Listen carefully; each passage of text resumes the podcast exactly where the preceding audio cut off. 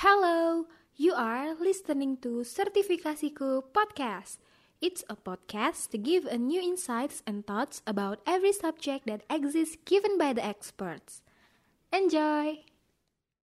Karena analis itu biasanya mengguidance arahnya pasar, sebenarnya pasar itu mau ke mana. Jadi katakanlah gini, apakah pasar hari ini lagi bagus, lagi jelek, atau lagi biasa-biasa aja, itu analis biasanya akan menggiring opini tersebut.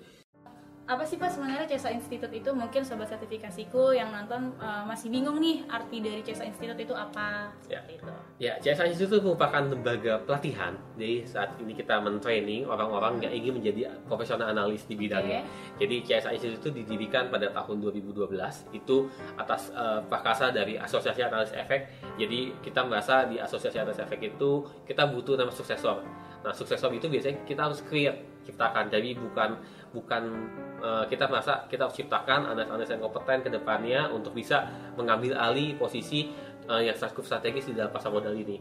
Sehingga waktu itu dicetuskanlah kita bikin yang namanya pelatihan itu CSA, yaitu ada Certified Security Analyst. Seiring dengan pengembangan waktu, eh, makin banyak pelatihan yang dilakukan, kita pun membentuk wadahnya yaitu ada CSA Institute. CSA Institute itu sebagai lembaga eh, yang berperan untuk melakukan pelatihan dan juga untuk melakukan quality control terhadap eh, materi maupun lulusan CSA yang sudah lulus di sana. Nah, eh, itulah eh, sekilas mengenai CSA Institute.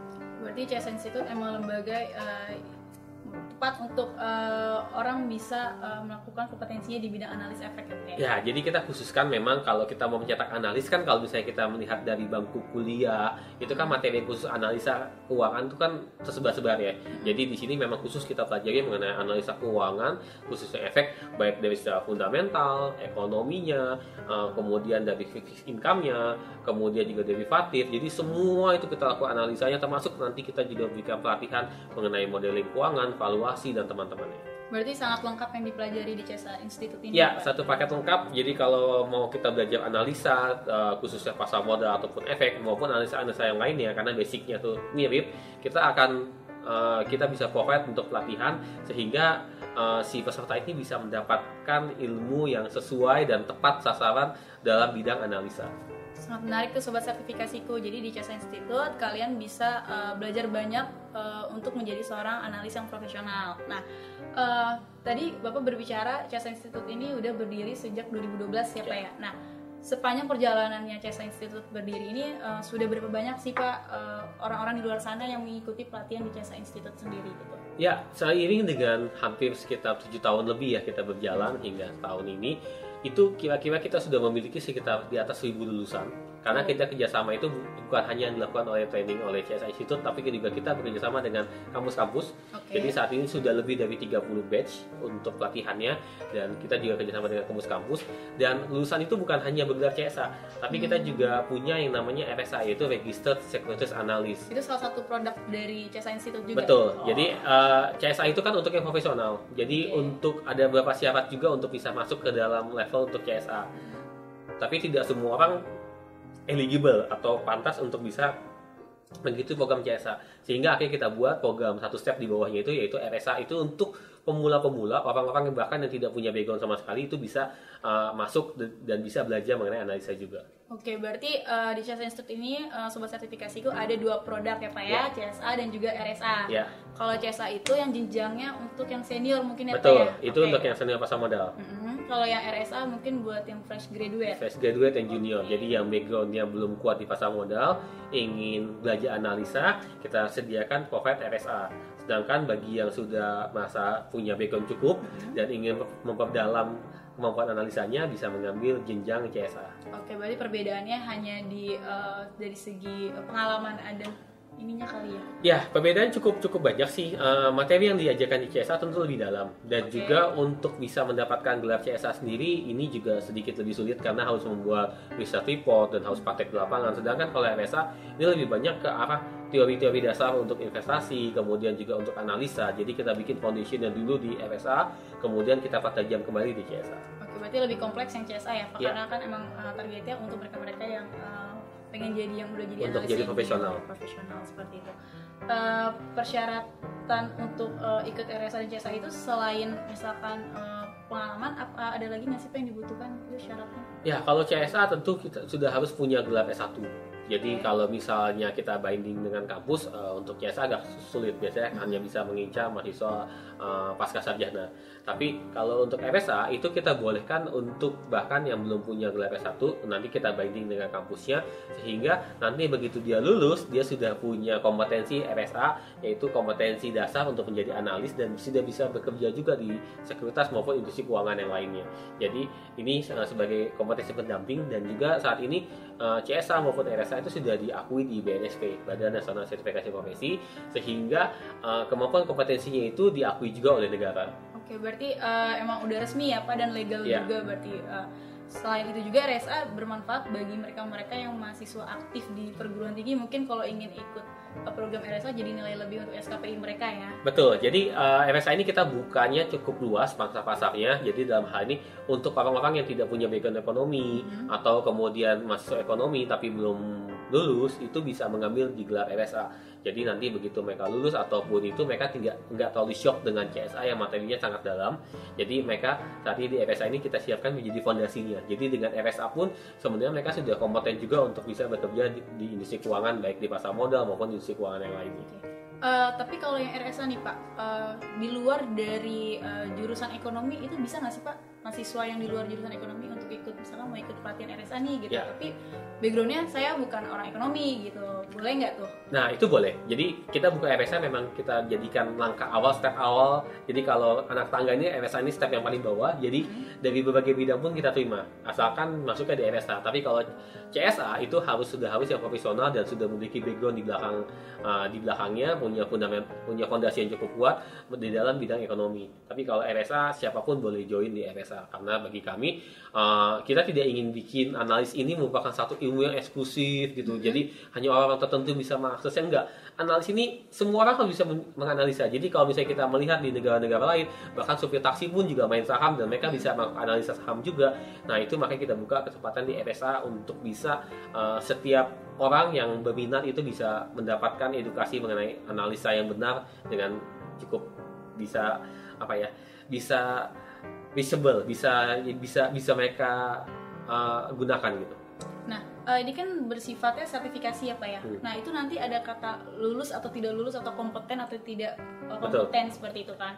Uh, nah ini kalau lulus itu nantinya atau dinyatakan kita kompeten nih uh, itu ada gelarnya nggak sih pak? Ya untuk RSA dan CSA tentu ada gelarnya. Jadi ini kan uh, sertifikasi kompetensi.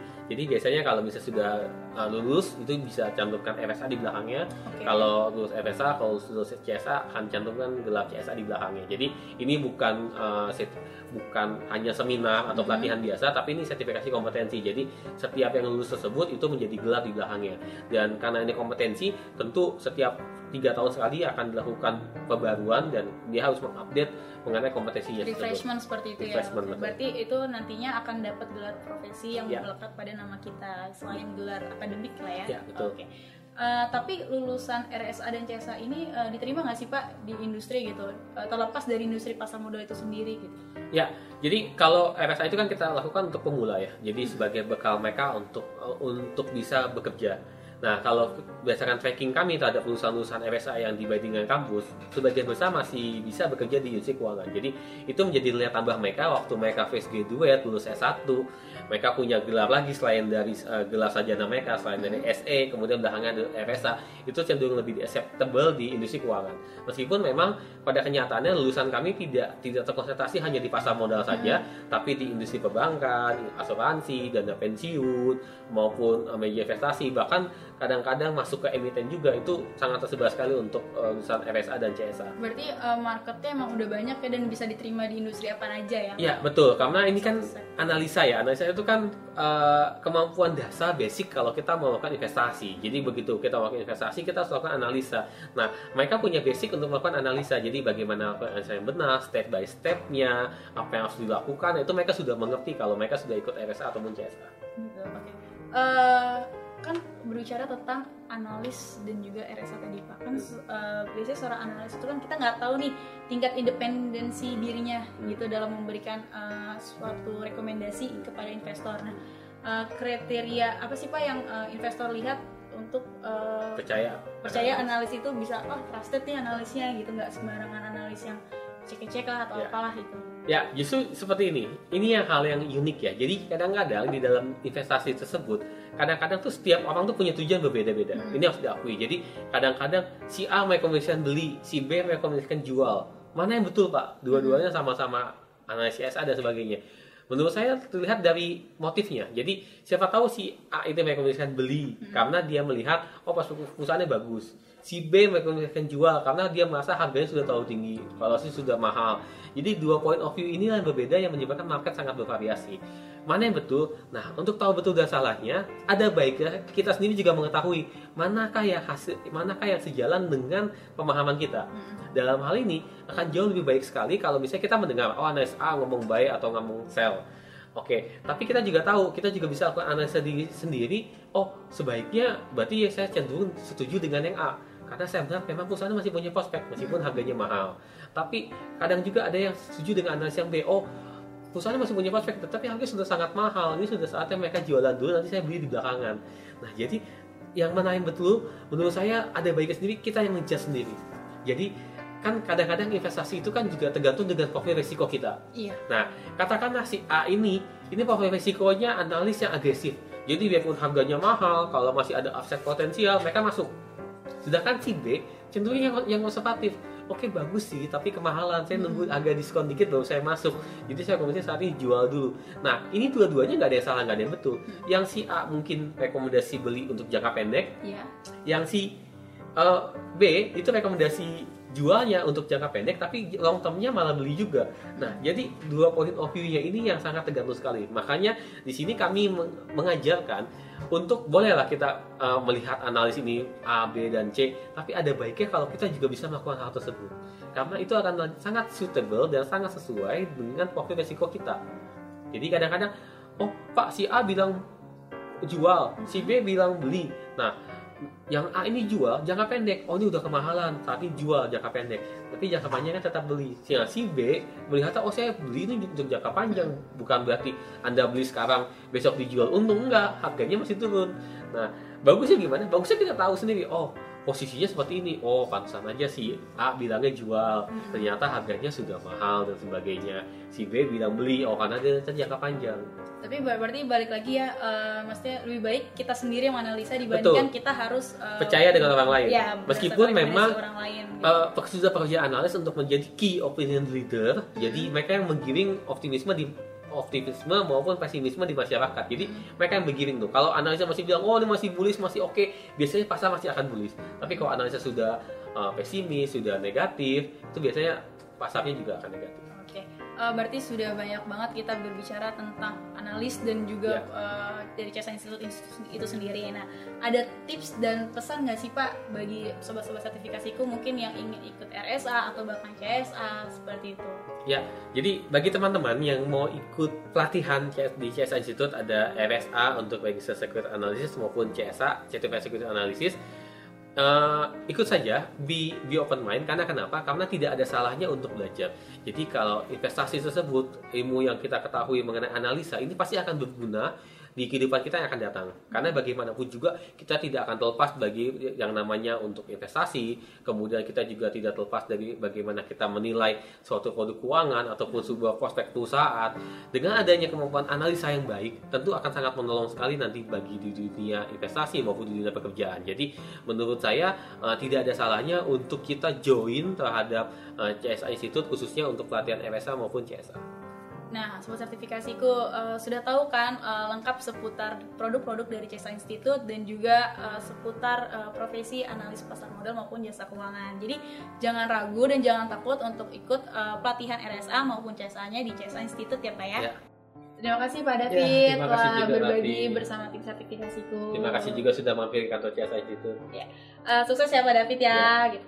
Sobat sertifikasiku, kita sudah berbincang banyak dengan Pak David seputar profesi analis, pasar modal maupun industri jasa keuangan dan juga tentang produk-produk yang ada di Cesa Institute. Jadi jangan ragu kalau pada tertarik untuk ikut program RSA dan Cesa bisa di sertifikasiku maupun juga di Cesa Institute. Nah, sobat sertifikasiku udah kebayangkan seberapa pentingnya profesi analis di pasar modal dan juga apa sih itu Cesa Institute? Jangan lupa like, komen, dan subscribe dan juga share ke teman-teman kalian. Tekan tombol lonceng untuk terang notifikasinya. Sampai berjumpa di video selanjutnya.